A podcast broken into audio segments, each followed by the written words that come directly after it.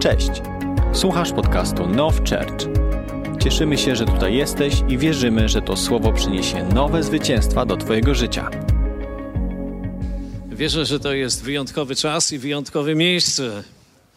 Jesteśmy tutaj dzisiaj trzeci dzień i jesteśmy zbudowani, zachęceni, rozpaleni i cieszymy się z tej relacji, z tego partnerstwa, w którym jesteśmy. Wiecie, tak naprawdę to Bóg sprawia, że łączymy się z kimś. Amen? I jeżeli Bóg łączy, to po prostu to musi być trwałe. Z pastorem Jakubem mamy relację od roku 2017. Opowiem wam taką historię, gdy pierwszy raz on miał do nas przyjechać. On może chyba się nie obrazić, pastorze. Nie, no to super. I gdy miał do nas przyjechać, a ponieważ miał już kilkadziesiąt, a może ze sto doświadczeń, e, spotkań w Polsce, gdzie go w bardzo różny sposób potraktowano, i przez telefon do mnie mówi tak, ale jest pewien warunek. Ja muszę mieć zapewniony nocleg. Ja mówię, no naturalnie, my gości przyjmujemy z noclegiem.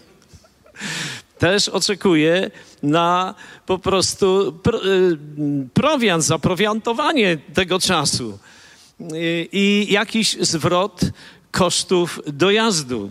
Wiecie, dla mnie to było trochę dziwne, ponieważ my wyrośliśmy u boku pastora Pawła Godawy, który nas, kilkudziesięciu pastorów, przeszkolił w tej dziedzinie, ponieważ w Polsce nie mieliśmy, nie mieliśmy ojców duchowych, którzy uczyli nas takich elementarnych podstaw funkcjonowania kościołów i uszanowania autorytetów i darów, które Bóg przysyła.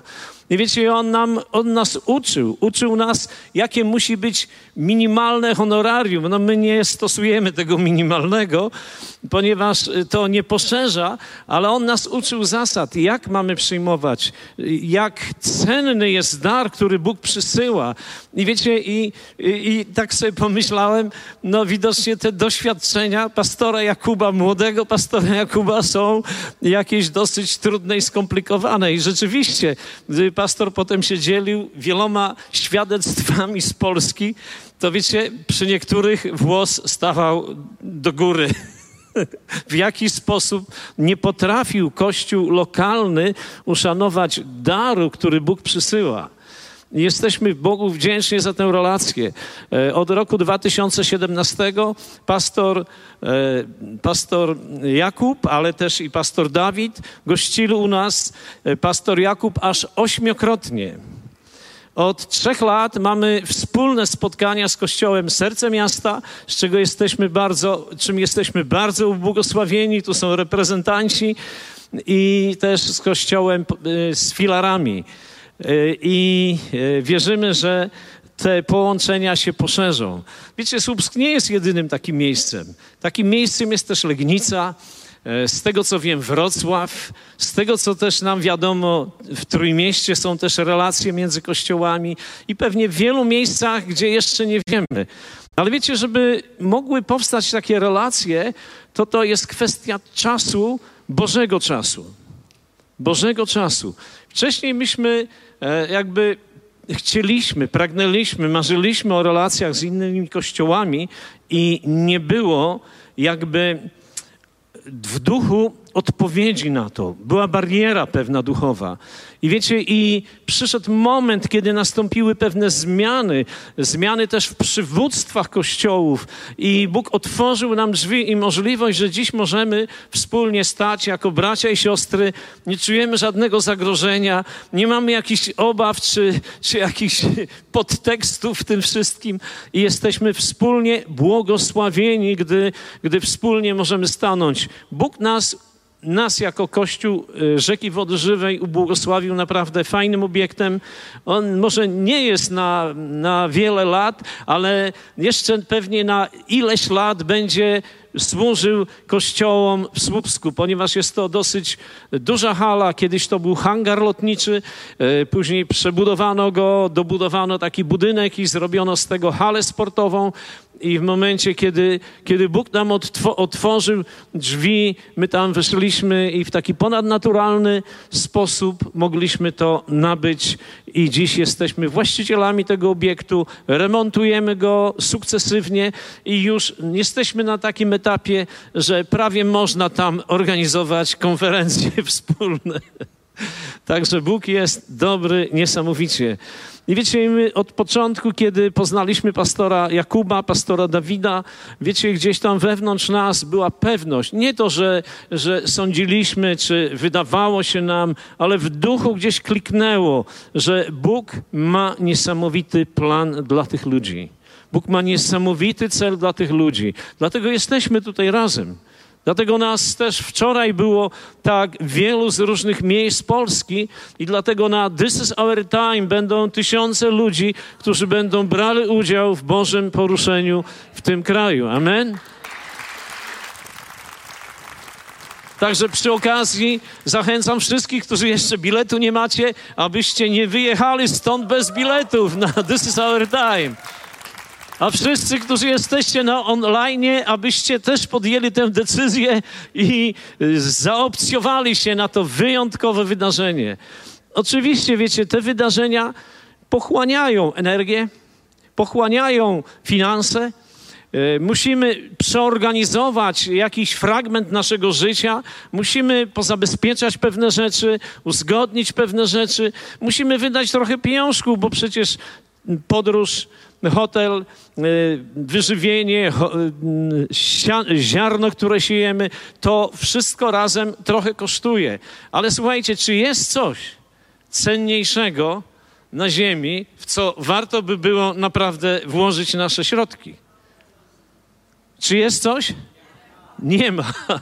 Halleluja. Dlatego Boże Królestwo jest dla nas, jeżeli my jesteśmy w nim całym sercem, jest spełnieniem, jest odpowiedzią i jest miejscem, w które warto inwestować wszystko. Wiecie, gdy, e, gdy Jezus się spytał swoich uczniów, mm, już przy końcu e, swojej wędrówki, tuż przed ukrzyżowaniem, czy brakowało wam czegoś? A wiemy, że oni pozostawili wszystko. Prawda? Jest napisane, że oni pozostawili wszystko. Wszyscy ci apostołowie pozostawili wszystko i chodzili z Jezusem. I gdy już Jezus miał odejść, się pyta, czy wam czegoś brakowało. I co oni odpowiedzieli? Ktoś z nas pamięta?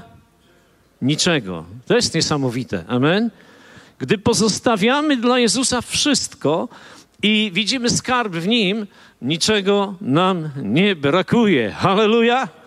Mamy takiego Boga. Oczywiście są momenty, kiedy On uczy nas wiary. I to nie jest tak, że po prostu mamy y, rozścielone dywany i tylko z wszystkich stron po prostu przychodzą do nas błogosławieństwa, my tak idziemy jak po Oskara. Tak w życiu wiary nie jest, ponieważ Bóg nas uczy też wiary. Samo słowo wiara to jest pewność i przeświadczenie tego, czego jeszcze nie widzimy, ale czego pragniemy i o czym jesteśmy przeświadczeni. Dlatego trudne chwile nigdy nie są przeciwko nam, ale są nam darowane, aby nasza wiara wzrosła. Amen? Aby nasza wiara wzrosła. Y, wiecie, trochę od konspektu odbiegam, ale czuję, że muszę też powiedzieć, y, pójść troszkę w innym kierunku. Wiecie, gdy my zaczynaliśmy z żoną Kościół i gdy Bóg nas powołał, to był taki moment, że my mieliśmy dostatki. Ja wcześniej prowadziłem przedsiębiorstwo budowlane i zarabiałem dobre pieniądze. Wcześniej mieliśmy handel i wiecie, to wszystko, wiecie, jeżeli ktoś z Was ma jakiś biznes i ten biznes się dobrze kręci, a to były lata, kiedy on dobrze się kręcił, to nie brakowało niczego. Mieliśmy odłożone środki i wiecie, i dobrze się zaczynało. I gdy Bóg nas powołał, E, do służby pastorskiej, gdy rozpoczęliśmy Kościół, e, wiecie, to była mała grupka, tak naprawdę rozpoczynałem z żoną i czwórką dzieci. otrzymaliśmy bardzo wyraźne słowo od Ducha Świętego, że mamy rozpocząć nową rzecz i Bóg daje nam nowe połączenia. Myśmy wtedy tego nie rozumieli, ponieważ kościół, w którym byliśmy, był duży.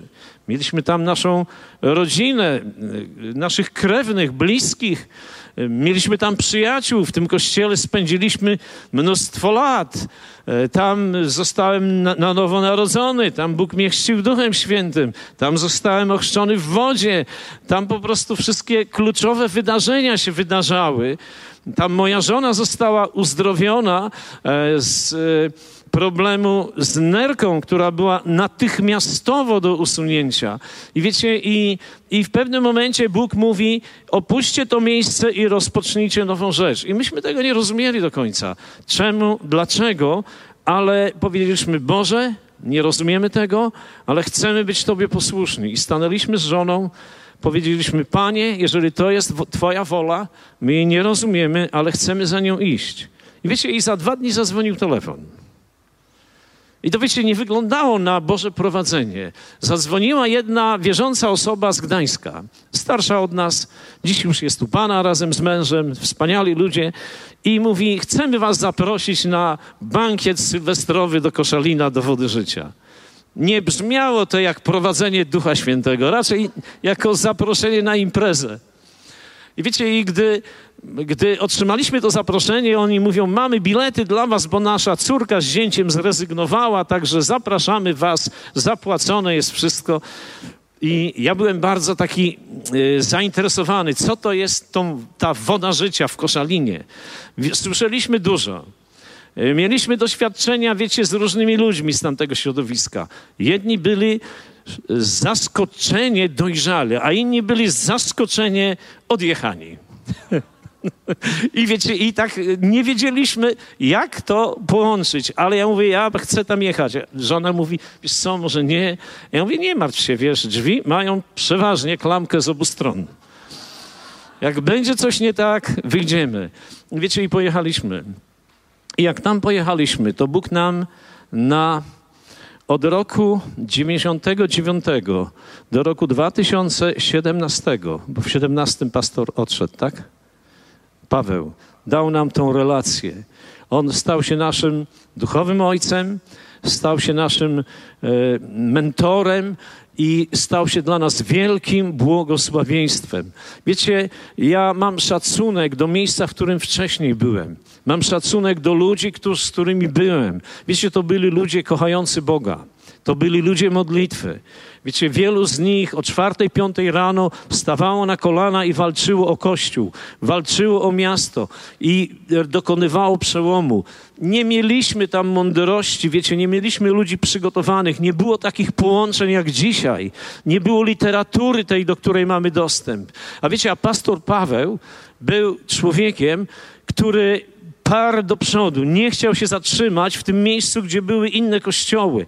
Wiecie, pamiętam takie zdarzenie, kiedy on trafił do naszego domu po raz pierwszy, wtedy był studentem e, naszej WSP bodajże to było wtedy, wyższej, wyższe studia pedagogiczne i pewna koleżanka go przyprowadziła do nas i to nasze spotkanie było takie dosyć ciekawe, ponieważ on nas obserwował miego. I ja się jego pytam, słuchaj, a dlaczego ty nie chcesz dołączyć się do kościoła zielonoświątkowego w Koszalinie? Tam jest pastor Marek Kamiński. My mieliśmy wielki szacunek i mamy do dzisiaj dla niego. I mówi, to jest świetne miejsce. A on mówi, no tak, my się przybyliśmy już w kilku wspólnotach i widzimy, że Bóg nas trochę inaczej prowadzi. I ja wtedy sobie tak pomyślałem w sercu, Facet ma ambicje. A on wtedy, słysząc to, co ja mówię, pomyślał sobie, ten gość jest w porządku, ale nic nie rozumie. to, oczywiście po latach to sobie dopiero powiedzieliśmy szczerze. I wiecie, i to połączenie sprawiło, że Bóg zaczął otwierać nam oczy na nową rzeczywistość na Bożą rzeczywistość, ponieważ on miał relacje z mężami i kobietami bożymi y, z, y, z innych narodów, które, które, którzy byli dla nich błogosławieństwem i podciągali ich wyżej, podnosili ich wyżej, uczyli ich rzeczy. I wiecie, i wokół tego pastora, wokół pastora Pawła Godawy zebrała się grupa pastorów. I to było tak jak tutaj. Niektórzy deklarowali, pastorze, będziemy z tobą do końca.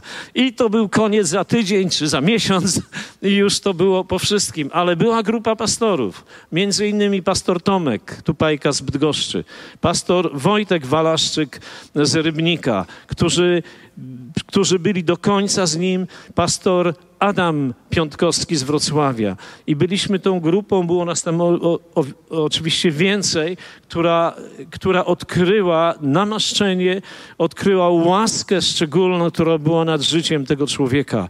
I wiecie, i Bóg go zabrał. I w pewnym sensie zrobiła się taka pustka. Wiecie, gdy ktoś bliski odchodzi, e, Myślę, że większość z nas przeżyła śmierć kogoś bliskiego, mamy, taty, e, czasami współmałżonka, czasami dziecka, są różne okoliczności.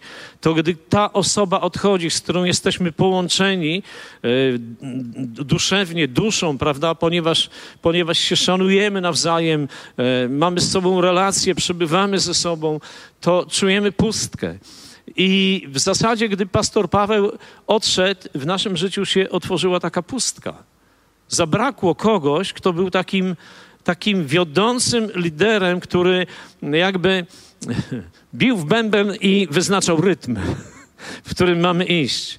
Wiecie, i Bóg otworzył nam kolejną relację, która dla nas jest błogosławieństwem. Pastor Jakub i pastor D Dawid są młodymi liderami. Ich małżonki są młode, ale to, co spoczywa nad nimi i to, co Bóg umieścił w nich, jest większe niż w wielu ludziach 60, 80 i 100-letnich.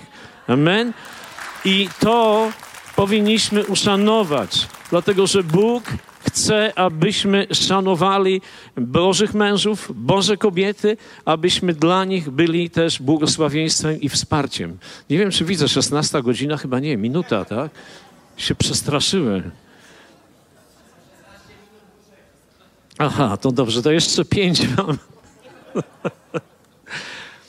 Także wierzę, że Bóg wokół każdego męża Bożego, którego wzbudza dla takiego liderowania w danym e, okręgu czy narodzie, wzbudza też, e, wzbudza też e, mężów i kobiety Boże, które staną za nimi.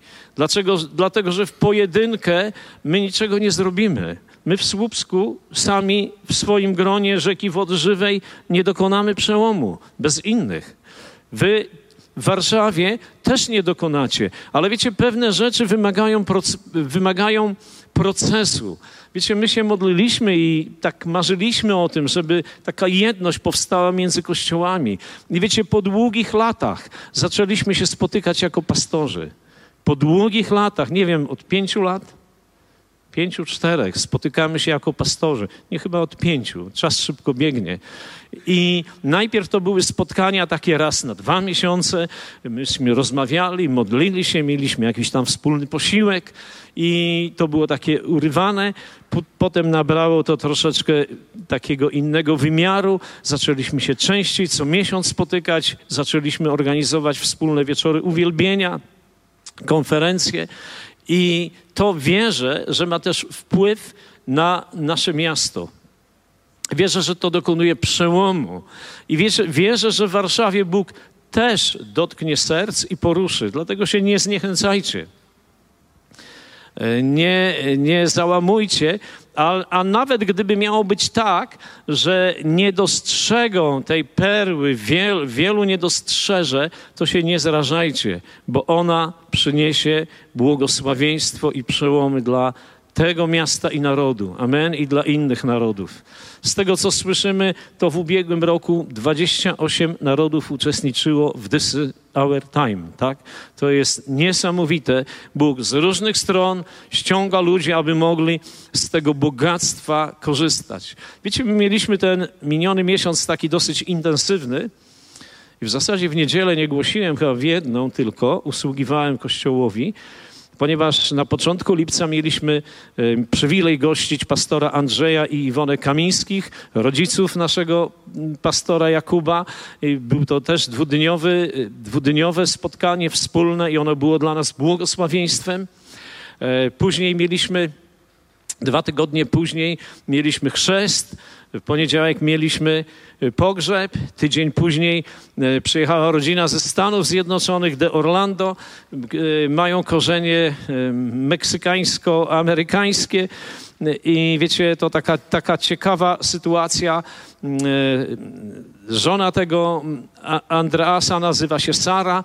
Ona w roku 2016 e, przyjechała do Słupska jako pani inżynier do tej bazy amerykańskiej, która tam u nas powstała i dotarła na spotkania. W, te, w tym momencie, gdy ona do nas dotarła, ona była e, zniechęcona, była wewnętrznie poturbowana, e, tak przyjechała z powodu tego, e, że tu były lepsze zarobki, ponieważ Amerykanie na wyjeździe otrzymują trochę inne zarobki i mieli duże długi do spłacenia i była w takim no, trudnym miejscu. I gdy była pośród nas, Bóg ją dotykał i zmieniał. I gdy wyjechała, całkowicie inna, i w tej chwili wróciła z mężem, z dwójką dzieci, napisała książkę, napisała książkę o przemianie, której doświadczyła w Polsce, o Polsce. Także yy, i mogła w niedzielę podzielić się słowem. Wiecie, byłem zaskoczony dojrzałością, Byłem zaskoczonym miejscem, do którego Bóg tą kobietę doprowadził. Oboje mają marzenia. On jest, on jest też inżynierem, jeszcze pracuje, ma dobrą pracę. On też chce przerwać tą pracę i chcą oboje służyć Ewangelii. Na pełny etat chcą się oddać tylko służbie słowa. Także Bóg czyni fajne rzeczy. A tydzień później, przy, yy, yy, przepraszam, Tydzień przed De Orlando przyjeżdża pastor Jurek Rycharski z pastorową Gosią i przyjeżdża też y, pastor Andrzej Nędzusiak żoną i mamy przywilej ich gościć. A tydzień po De Orlando przyjeżdżają, przyjeżdża mocna grupa 13-osobowa z Warszawy. Dziękujemy wam za wasze serca. Dziękujemy za wspieranie tego, co my robimy. Wiecie, to dla nas też ma wielkie znaczenie, że wy z Warszawy jedziecie no to jest wprawdzie ten sam dystans, tak? Co ze Słupska do Warszawy? Jedziecie tyle kilometrów, aby nas wzmocnić tam w Słupsku. To było dla nas i jest wielkim błogosławieństwem i zachętą. Bodajże było was 13 osób, jeżeli dobrze e, do, policzyliśmy. Także cieszymy się, że mogliście być u was. I dziś my jesteśmy u was. Mam na dzisiaj słowo. Wiem, że to jest trudne słowo. Ale gdy się modliłem, innego nie otrzymałem. Otrzymałem to słowo. Otwórzmy Ewangelię Łukasza, rozdział 22. I przeczytamy trzy wersety. 22 rozdział Ewangelii Łukasza, werset 31 do 33. Szymonie, Szymonie, oto szatan wyprosił sobie, żeby was przesiać jak pszenicę. Ja zaś prosiłem za Tobą, aby nie ustała wiara Twoja, a Ty, gdy się kiedyś nawrócisz, utwierdzaj braci swoich. On zaś rzekł do niego: Panie, z Tobą gotów jestem iść i do więzienia, i na śmierć. Ciekawe miejsce, prawda? Wyjątkowe miejsce. Wiecie, Jezus nazwał Szymona jak? Jakie imię mu nadał? Piotr. A tutaj do niego mówi: Szymonie, Szymonie, a ty, gdy się kiedyś nawrócisz. Ciekawe, prawda? Czy zauważyliśmy to kiedykolwiek? Piotr był rybakiem. Pamiętamy to zdarzenie, gdy Jezus głosił Ewangelię nad brzegiem jeziora Genezaret i gdy duży tłum się zebrał, on poprosił rybaka, to akurat był Piotr, aby użyczył mu łódki, odpłynął troszeczkę od brzegu i głosił Ewangelię z jego łódki. I gdy skończył usługiwanie, mówi do Piotra i tam jego kolegów, wypłyńcie na głębie i zarzućcie sieci. Wiemy, że Piotr nie chciał, ale popłynął i potem byli zaszokowani. I wtedy Piotr przypada do kolan Jezusa i mówi: Odejdź ode mnie, bo jestem człowiekiem grzesznym. A Jezus mówi: Nie bój się, bo ludzi łowić będziesz. I mówi: Pójdź za mną. I co Piotr zrobił? Poszedł za nim. Jest napisane, zostawił wszystko, zostawili ojca Zebedeusza i jego y, najemników czy pracowników w łodzi i poszli za Jezusem. On i Andrzej. I zostali z Jezusem. Wiecie, chciałbym, żebyśmy zauważyli kilka niesamowitych elementów z życia Piotra. Ja wiem, że to będzie trudne dla nas z poranku, ale chciałbym, żebyśmy to zobaczyli. Ewangelia Łukasza 6, werset 12 do 14. I stało się w tych dniach, że wszedł na górę, aby się modlić i spędził noc na modlitwie do Boga. A gdy nastał dzień, przywołał uczniów swoich i wybrał z nich dwunastu, których też nazwał apostołami. Szymona, którego naz nazwał Piotrem i Andrzeja, brata jego, Jakuba, Jana, Filipa i Bartłomieja i tak dalej. Chciałbym, żebyśmy zauważyli, że Jezus z tej grupy uczniów po nocnej modlitwie wybiera na apostoła Szymona.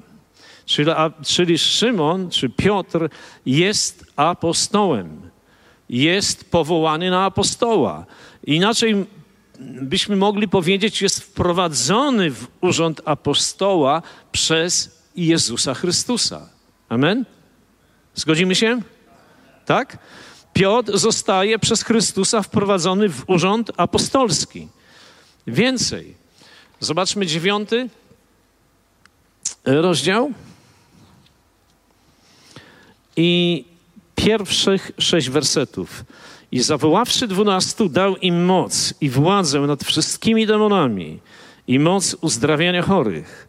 I posłał ich, aby głosili Królestwo Boże i uzdrawiali. I rzekł do nich, niczego nie zabierajcie na drogę, ani kije, ani torby, ani chleba, ani pieniędzy, ani dwóch szat. A gdy do którego domu wejdziecie, tam pozostańcie i stamtąd wychodźcie, a na tych, którzy was nie przyjmą, wychodząc z tego miasta, strząśnijcie prog z nóg waszych na świadectwo przeciwko nim. Wyszedłszy więc, obchodzili wioski, zwiastując dobrą nowinę i wszędzie uzdrawiając. Czyli apostoł Piotr już jest nie tylko uczniem, ale jest apostołem. Otrzymuje moc, idzie, obchodzi wioski i uzdrawia chorych. Zgodzimy się? Amen? Amen. Idziemy dalej. E, może tego nie otwierajmy. Pewnego razu podczas burzy spaceruje z Jezusem po morzu. Amen? Wiecie, niesamowite doświadczenie. Jezus go zabiera też na górę przemienienia. Jest świadkiem, gdzie Jezus się przemienia przed nimi i gdy jego twarz zaczyna być śniąca, odzienie zupełnie lśni i oni są trochę pod wrażeniem, przestraszeni. I mówią, dobrze nam tu być, Piotr mówi. Czyli jest w niesamowitych e, miejscach i sytuacjach, w których bierze udział, prawda? W znakach i cudach. Widzi Eliasza, widzi Mojżesza, słyszy ich rozmowę, przy, słyszy z obłoku rozmowę ojca, który mówi: Oto syn mój miły, umiłowany, którego słuchajcie. Wiecie, mocne to jest, prawda? Ktoś z nas miał takie doświadczenia? Nie widzę rąk. Wiecie, mocne to było, prawda? Niesamowite to było. Zobaczmy dalej. Łukasza 10, 17. I powróciło wtedy owych siedemdziesięciu dwóch z radością, mówiąc: Panie, i demony są nam podległe w imieniu Twoim. Czyli Piotr nie tylko, że uzdrawia chorych, ale wypędza demony. A Jezus mówi w dwudziestym wersecie: Wszakże nie z tego się radujcie, iż duchy wam są podległe, radujcie się raczej z tego, iż imiona wasze w niebie są zapisane. Ciekawe, prawda? Piotr jest apostołem, wypędza demony, uzdrawia chorych, uczestniczy w wielu niesamowitych, nieprawdopodobnych wydarzeniach. Jest świadkiem wskrzeszenia Łazarza, który już cuchnie czwarty dzień. I wiecie, i, i jego imię jest wpisane w niebie. Halleluja! Halleluja! I przy końcu misji Jezus Chrystus w tym 22 rozdziale Łukasza mówi do niego bardzo dziwną rzecz. Szymonie, Szymonie, oto szatan wyprosił sobie, żeby was przesiać jak pszenicę. Ja zaś prosiłem za tobą, aby nie ustała wiara twoja, a ty, gdy się kiedyś nawrócisz. Z czego Piotr miał się nawrócić? Amen? Przecież był apostołem. Przecież uzdrawiał chorych. Przecież wypędzał demony. Brał udział w takich niesamowitych doświadczeniach. Był najbliższym Jezusa. W tej trójce był na górze przemienienia. Jezus do niego mówi: A ty, gdy się kiedyś nawrócisz. Wiecie, ja wiem, że to jest trudne, ale pójdźmy dalej. Może zanim pójdziemy dalej, muszę się o coś nas spytać. Gdy przychodziliśmy do Chrystusa, to skąd my przychodziliśmy? Od siebie do Jezusa. Tak czy nie? Nie odpowiadacie, bo to jest ryzykowna odpowiedź. Wiecie, my nie, nie przychodziliśmy do Jezusa od siebie do Jezusa. Mieliśmy fajne życie, dobrze nam się układało, stanął Jezus na naszej drodze, no i zdecydowaliśmy, no pójdziemy za Nim. To, no, to taka opcja do wieczności nas prowadzi. Tak nie było. My byliśmy w królestwie ciemności. Amen? Piotr był przed nawróceniem gdzie? W królestwie ciemności. To nie, że był rybakiem. Można być rybakiem, można być kimkolwiek i być w królestwie ciemności. Wiecie, gdy się rodzimy, gdy się rodzimy fizycznie, my rodzimy się z ciała. Rodzimy się w świecie, który ma tylko dwa wymiary: królestwo ciemności i królestwo światłości. Nie ma nic pośrodku. I gdy czytamy listy Pawła, to się dowiadujemy, że on nas wyrwał, prawda? Jezus nas wyrwał z królestwa ciemności. Bóg nas wyrwał i przeniósł do królestwa syna swego, Jezusa Chrystusa. Czyli my zostaliśmy wyrwani z królestwa ciemności, przeniesieni do królestwa światłości. Wiem, że dobrze rozumiemy to, że gdy jesteśmy w królestwie światłości, my jesteśmy edukowani przez Boga i Ducha Świętego. Amen? Jesteśmy uczeni rzeczy. A co wcześniej było, zanim my przeszliśmy z królestwa ciemności do królestwa światłości? Kto nas edukował? Diabeł. Źle to brzmi, ale taka była rzeczywistość. I wiecie, i on nas nauczył pewnej rzeczy, i Piotra nauczył pewnej rzeczy, aby rozróżniać rzeczy intelektem, duszą. Piotr miał serce dla Chrystusa niepodważalne. Panie z Tobą do więzienia i na śmierć. Oczywiście on nie miał mocy, żeby to zrobić w tym momencie, ale to było jego szczere wyznanie, pragnienie jego duszy. On tak postanowił, że tak zrobi. Potem się przestraszył, chociaż nie do końca, bo jako pierwszy wyjął miecz i chciał bronić swojego mistrza, prawda? Chciał uciąć głowę tam jednemu z sług arcykapłana, ale na szczęście nie uciął tej głowy, ponieważ Bóg miał trochę inny plan. I wiecie, i gdy człowiek jest przez wiele lat edukowany przez wroga, on przechodząc z królestwa ciemności do królestwa światłości, potrzebuje czasu, aby zacząć rozpoznawać nowego nauczyciela. Zobaczmy taką myśl z Ewangelii Marka z ósmego rozdziału. Rozdział ósmy, werset trzydziesty pierwszy. Hmm. Trzydziesty pierwszy i trzydziesty. Hmm. Ewangelia Marka, momencie, to nie to miejsce.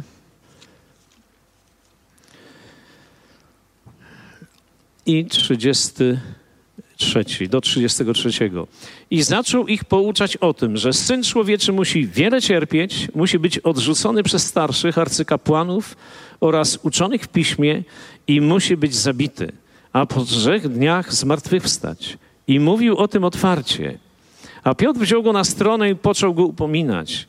Lecz on odwrócił się, spojrzał na uczniów swoich i zgromił Piotra, mówiąc: Idź precz ode mnie, szatanie, bo nie myślisz o tym, co boskie, tylko o tym, co ludzkie. Wiecie, w naturalny sposób w tym królestwie diabła my zostaliśmy wyćwiczeni, wyszkoleni, żeby myśleć o tym, co ludzkie, nie o tym, co boskie. I gdy my przychodzimy do Jezusa i zostawiamy wszystko, jak Piotr idziemy za nim, to my jesteśmy wyćwiczeni, wyszkoleni dalej, aby myśleć o tym, co ludzkie, a nie o tym, co boskie.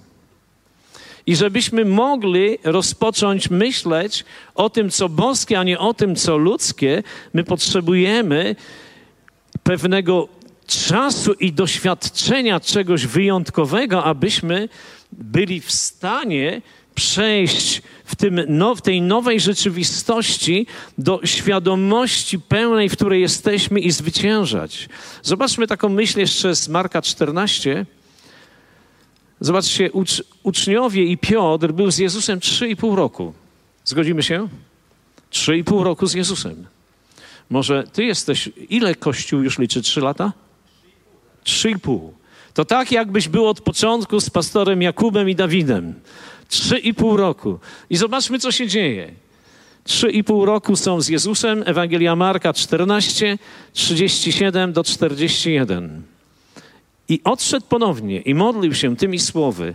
A gdy wrócił, zastał ich znowu śpiących, albowiem oczy ich były obciążone i nie wiedzieli, co mu odpowiedzieć. I przyszedł po raz trzeci i rzekł im, jeszcze śpicie i odpoczywacie? Dość tego, nadeszła godzina, oto Syn Człowieczy będzie wydany w ręce grzeszników. A wcześniej im mówi po pierwszej godzinie, czy nie mogłeś, nie mogliście ze mną czuwać jednej godziny? Wiecie, jest taki strategiczny moment w życiu Jezusa, tak naprawdę w życiu Kościoła na ziemi, którym jest Jezus i ta mała grupka. I oni nie są w stanie modlić się, nie są w stanie wspierać mistrza. Są apostołami, udzielona im jest moc, są po niesamowitych doświadczeniach, uzdrawiają chorych, wypędzają demony i nie umieją się modlić. Nie umieli się modlić apostołowie. Apostoł Piotr nie umiał się modlić. Wiecie, ciekawe, prawda? I zobaczmy, co jeszcze apostoł Piotr wymyślił. 21 e, rozdział Ewangelii Jana, jeden werset, tylko trzeci. Jest to po zmartwychwstaniu. Jezus im się już ukazał e, w takiej w pomieszczeniu, gdzie oni byli zamknięci ze strachu przed Żydami, żeby ich nie ukamienowano albo nie ukrzyżowano, ponieważ ryzyko było bardzo poważne. I oni tam już byli w tym pomieszczeniu, doświadczyli powrotu Jezusa. On, on po prostu im się tam ukazał. Dla nich to był szok, prawda, ponieważ on nie otworzył drzwi, tylko wszedł przez ścianę i wyszedł, zniknął. I po tym doświadczeniu, zobaczmy, co robi Piotr. Powiedział do nich Szymon Piotr: Idę łowić rybki. Rzekli mu: Pójdziemy my z tobą. Wyszli więc i wsiedli do łodzi, ale tej nocy nic nie złowili. Zobaczmy, Piotr jest trzy i pół roku z Jezusem. Niesamowite doświadczenia. I po takim, e, już po, widząc zmartwychwstałego Jezusa, nie wie, co robić. Kto mu powiedział, jak myślicie, idź Piotrze na rybki? Szatan. Idź, apostole Piotrze, łapać rybki, a pozostale apostołowie będziemy łapać z tobą. I wszyscy poszli na nocną zmianę na rybki. Nie na modlitwę na nocną zmianę, ale na rybki. I zobaczmy, Piotr, mimo tego wszystkiego, co otrzymał, mimo że jego imię zostało wpisane w niebie, on ciągle był cielesny. Zgodzimy się? O, co to znaczy być cielesny? To znaczy być prowadzony ciałem, a na ciało, na nasz intelekt, naszą duszę ma wpływ wróg. I on nie rozróżniał głosu wroga od głosu Bożego. Nie był w stanie to było niemożliwe. W ciele nie jesteśmy w stanie rozróżnić głosu Bożego od głosu wroga. Mylimy te rzeczy. Przychodzi wróg i mówi coś pięknego, coś atrakcyjnego, my to łapiemy. Widzicie, gdy przyszedł do Ewy i Adama, on przyszedł z atrakcją. nie przyszedł z czymś smutnym, ale przyszedł z czymś atrakcyjnym, prawda? Bo gdyby to nie było atrakcyjne, oni by się na to nie złapali. Ale mówi, zobaczcie, jak jest piękny owoc. Jaki smaczny. Jak Pan Bóg się staniecie, gdy go zjecie. Będziecie znali wszystko, dobro i zło. Nie wiem, gdybyśmy my byli w ogrodzie, czy byśmy tego samego nie zrobili, ponieważ to była atrakcyjna oferta. Oni też nie mieli doświadczenia wtedy, prawda, że może ktoś ich okłamać. Oni nie rozumieli, że istnieje kłamstwo. Sądzili, że rzeczywiście. Tylko nie rozumieli, jednej rzeczy nie złapali, że Pan Bóg im zabronił. Przekroczyli ten próg i on spowodował dla całej ludzkości to, co spowodował. Dlatego świat pogrążony jest w złem. I nie musimy się dużo wysilać, żeby stwierdzić, że ten świat jest pogrążony w złem. Wystarczy po prostu e, spojrzeć, e, otworzyć gazetę czy włączyć wiadomości i słyszymy o samych złych zdarzeniach na całym świecie.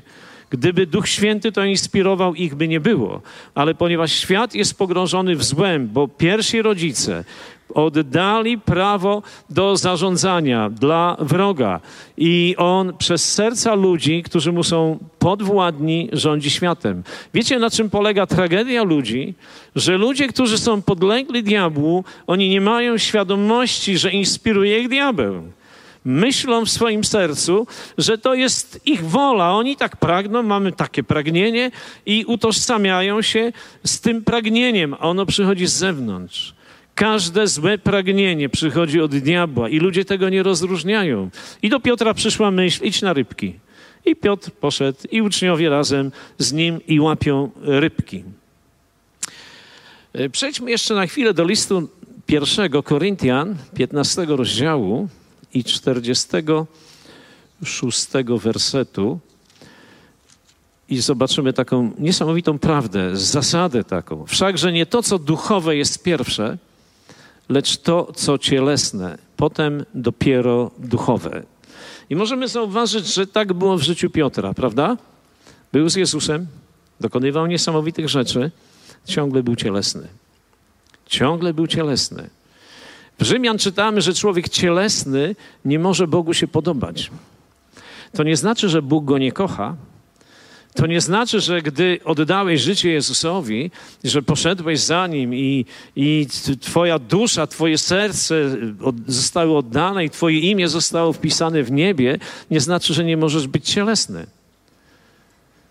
Apostoł Paweł pisze do kościoła w Koryncie, mówi, że nie brak wam żadnego daru łaski. A dalej mówi, czy jeszcze cielesnymi nie jesteście, ponieważ jest to i to i to i to pośród was. Gdy pisze list do Galacjan, trzeci rozdział, mówi o nierozumni, czy w innym tłumaczeniu o głupi Galacjanie, kto was zaczarował czy omamił. Rozpoczęliście w duchu, na ciele kończycie. Czyli zobaczmy, istnieje moment przejścia ze świata, w którym rządził diabeł i my byliśmy jemu podlegli do świata Bożego, ale w tym Bożym świecie my musimy coś chwycić dla siebie samego, aby on nas znów nie ściągnął do życia w ciele, do cielesności, ponieważ w ciele jest napisane Bogu podobać się nie możemy. Ja nie mówię, że nie będziemy zbawieni, ale nie podobamy się Bogu. I wiecie, gdy gdy my jako pastorzy y, rozmawiamy z ludźmi, modlimy się o ludzi, u nas, w różnych miejscach, gdzie jesteśmy, to słyszymy z ust tych, którzy potrzebują modlitwy, pomocy, rozwiązania, y, słyszymy o tak wielu różnych kłopotach, w których Boży ludzie się znajdują, i wiecie, one się zna... my się jako Boży ludzie w te kłopoty sami pakujemy, dlatego że nie ruszamy w stronę ducha. Nie ruszamy w stronę ducha. Zatrzymujemy się na nabożeństwach. Myślimy, że jak przyjdziemy w niedzielę do kościoła, to spłynie na nas taka łaska, ona spływa. Ponieważ są nam, namaszczeni Boży mężowie Grupa uwielbiająca jest pod namaszczeniem i gdy jesteśmy w zgromadzeniu, my to wszystko odczuwamy i to jest fajne. I przychodzi ulga. A potem, gdy jesteś na etapie Piotra, wychodzisz przez te drzwi i wracasz do swojej cielesnej rzeczywistości. Amen? I wracasz do swojej cielesnej rzeczywistości. Zobaczmy, zobaczmy, co Piotr musiał doświadczyć, aby nastąpiła w jego życiu kompletna przemiana, aby on z tej sfery ciała mógł przedostać się do sfery ducha. E, Ewangelia Jana, rozdział 20, werset 22. Jana 20, 22. Jezus przed swoim odejściem. A to rzekszy tchnął na nich i powiedział im: Weźmijcie ducha świętego. To nie był chrzest w Duchu Świętym, ale to był moment, w którym on zrobił coś takiego i otworzył im umysły, aby rozumieli pisma. I wiecie, gdy, gdy Piotr już stoi w tej górnej izbie z tymi 120, on tam im zaczyna wykładać słowo. Wcześniej on nic nie rozumiał, a tam już rozumie. Rozumiał, że pośród nich musiał być Judasz, który zdradził Chrystusa i on im wyjaśnia słowo. On zaczyna po prostu już wykładać słowo w sposób nowotestamentowy. Nowego testamentu nie ma, a on wykłada słowo. I zobaczmy dalej. Przychodzi dzień pięćdziesiąty, Wstępuje Duch Święty na nich i przychodzi odwaga, przychodzi trzeźwość, przychodzi pełnia zrozumienia tego, kim są i do czego są powołani. I wiecie, i nie ma Nowego Testamentu, a oni idą w niesamowity sposób. Dlaczego? Bo postawili na ducha, a nie na ciało. Nawet gdy się na nowo narodziłeś, nawet gdy oddałeś życie Bogu, nawet gdy masz niesamowite doświadczenia i cuda w Twoim życiu się wydarzyły, a nie stawiasz na e, wzrost i rozwój Twojej duchowej istoty, to zejdziemy do ciała, jeżeli tego nie będziemy robili. My jesteśmy duchami. Musimy sobie uświadomić, że my nie jesteśmy ciałem. Ty jesteś duchem. Każdy z nas jest duchem żyjącym w ciele. Amen? I musimy się o tego ducha, czyli o prawdziwego, o prawdziwą naszą istotę troszczyć się lepiej niż o ciało. Nie mamy zaniedbać ciała, bo ten duch będzie po prostu się kiepsko w nim czuł, ale nie mamy balansu przełożyć na ciało. A zobaczmy, jak my na co dzień biegniemy. Wiecie, możesz sobie pomyśleć, pastorze, tobie dobrze, możesz rano pójść na modlitwę i czytać słowo, bo ty jesteś pastorem, prawda? Jesteś wolny. Ale wiecie, ja w Warszawie mieszkałem między 72 a 74 rokiem. Byłem młodym chłopcem. Gdy miałem 18 lat, przyjechałem tu. Gdy miałem prawie 20, wyjechałem stąd. I wiecie, i gdy Duch Święty mnie dotknął w taki szczególny sposób, ja każdego dnia o 5 rano otwierałem słowo na kolanach i modliłem się. I około szóstej wskakiwałem w tramwaj, mieszkałem na Piachach, na Żoliborzu i jechałem albo na Sadybę, albo na Mokotów Dolny, tam gdzie po prostu e, nasza firma działała w tamtym czasie. I, i wiecie, i słuchajcie, to sprawiało, że ludzie wokół mnie, jedni byli kontra, a inni byli za. Innych zdobywałem dla Chrystusa. Widzisz, Twój wewnętrzny duchowy człowiek, zanim ruszysz w codzienność, potrzebuje duchowego pokarmu, abyś miał siłę, abyś miał mądrość, abyś miał światło, abyś miał zwycięstwo, abyś miał ten magnes Ducha Świętego, który przyciągnie innych, a innych ustawi przeciwko Tobie. Wiecie, często jest w naszym życiu tak, że nic się nie dzieje. Taki martwy punkt. E, nikt się na Ciebie, e, nikt nie jest przeciwko Tobie, nikt się nie nawraca wokół Ciebie. Jedyny powód – chodzimy w ciele. Wracamy do ciała. Galacjanie mieli inny powód. Oni po prostu się stoczyli e, z Ewangelii łaski do Ewangelii uczynkowości, do Ewangelii, e, a Żydzi jeszcze do po prostu Starego Testamentu i zasad zakonu. A my wracamy, my nie mamy ani zakonu, prawda?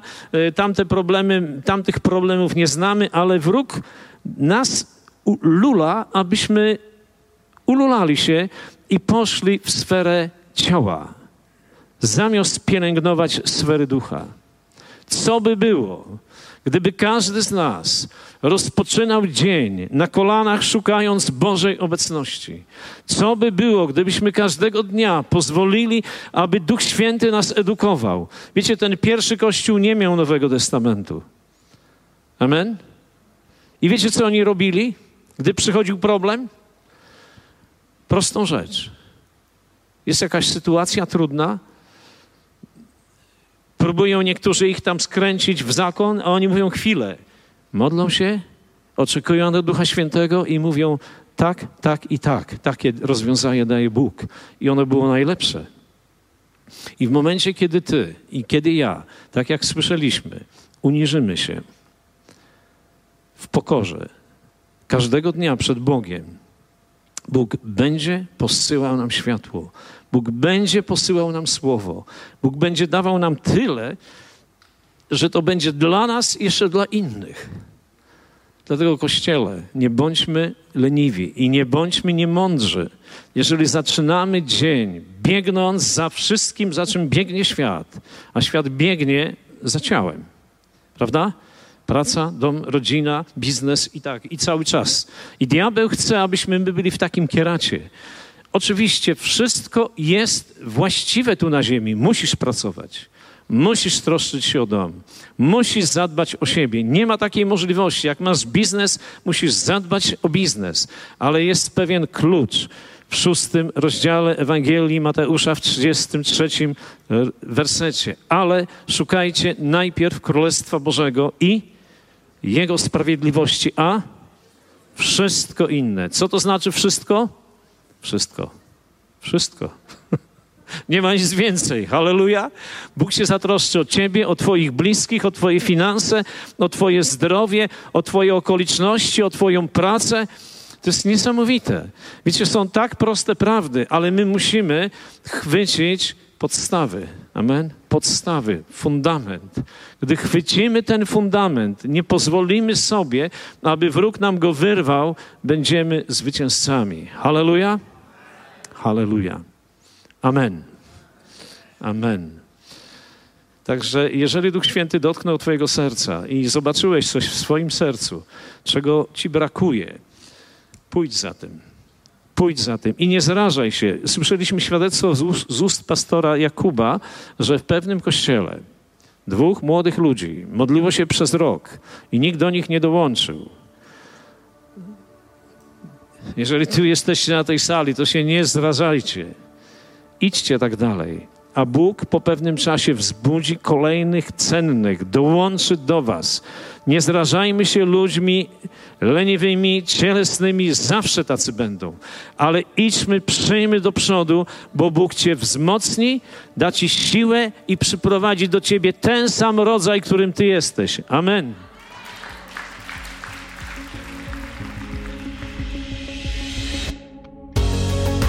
Dziękujemy, że byłeś z nami. Jeśli chcesz dowiedzieć się więcej o naszych działaniach lub nas wesprzeć, zapraszamy Cię na www.nationsonfire.org ukośnik nowchurch.